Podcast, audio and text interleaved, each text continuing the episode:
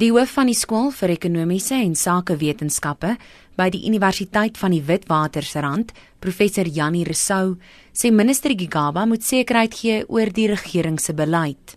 En hy moet ook sekerheid gee dat die tesorie nog onafhanklik kan opereer en dat die gerugte wat ons hoor van staatskaping wat by die tesorie uitgevoer is, onwaar is.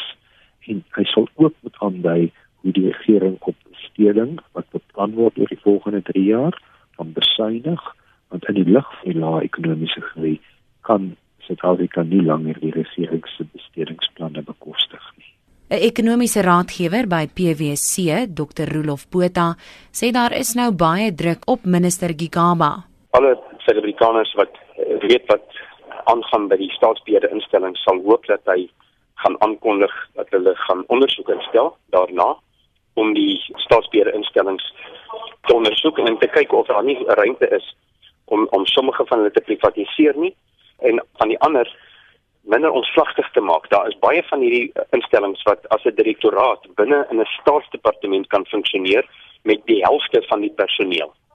Een van die groot probleme is en dit het in bykans alle Afrika lande in die jare 60 en 70 van die vorige eeu het dit het dit gebeur is dat daar is rade van staatsinstellings is gestig en uitgebrei en die mense wat daarop dien is nie noodwendig mense met die vakkundige kennis om daardie betrokke instelling te bedryf nie Petro SA se voorbeeld Eskom se voorbeeld SAL se voorbeeld en dit moet reggestel word uiteindelik nie baie van 'n keuse nie Intussen het albei ekonome hul voorspellings vir die Suid-Afrikaanse ekonomie oor die volgende kwartaale gegee. Dr Botha meen daar kan minstens 2% groei verwag word.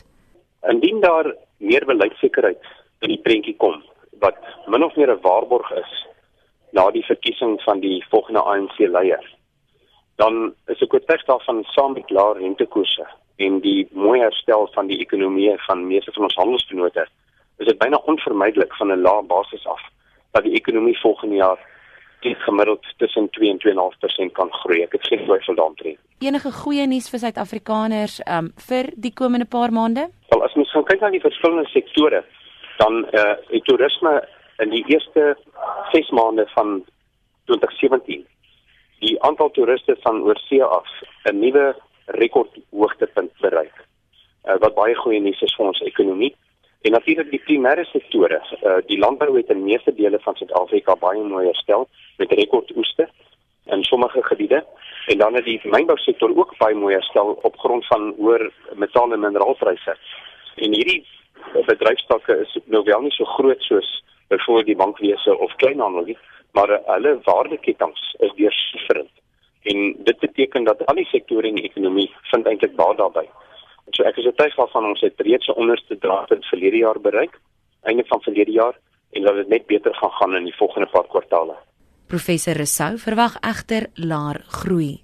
My verwagting is dat ekonomiese groei baie laag gaan bly, iewers tussen 0 en 0.5% en dit is natuurlik baie laer as Suid-Afrika se bevolkingsgroei. Dit beteken dat ons op per capita basis nog steeds gaan verharm. Enige goeie nuus dalk vir Suid-Afrikaners? Die goeie nuus vir Suid-Afrikaners is dat dit lyk of inflasie besig is om af te kom, wat beteken dat voedselpryse stadiger sal styg as wat tevore die geval is. Die slegte nuus daarmee saam egter is dat die lae ekonomiese groei staatsfinansies onder geweldige druk plaas. Luisteraars sal onthou dat ek en Fanie Joubert en Adel Breitenberg van die Unisa werk oor die fiskale afgrond gedoen het en 'n fiskale afgrond staar Suid-Afrika nou werklik in die gesig weens die lae groei in staatsinkomste. Die mediumtermynbegrotingsraamwerk toespraak word na verwagting op 25 Oktober gelewer. Ek is Melissa Tuggie vir SAK nuus.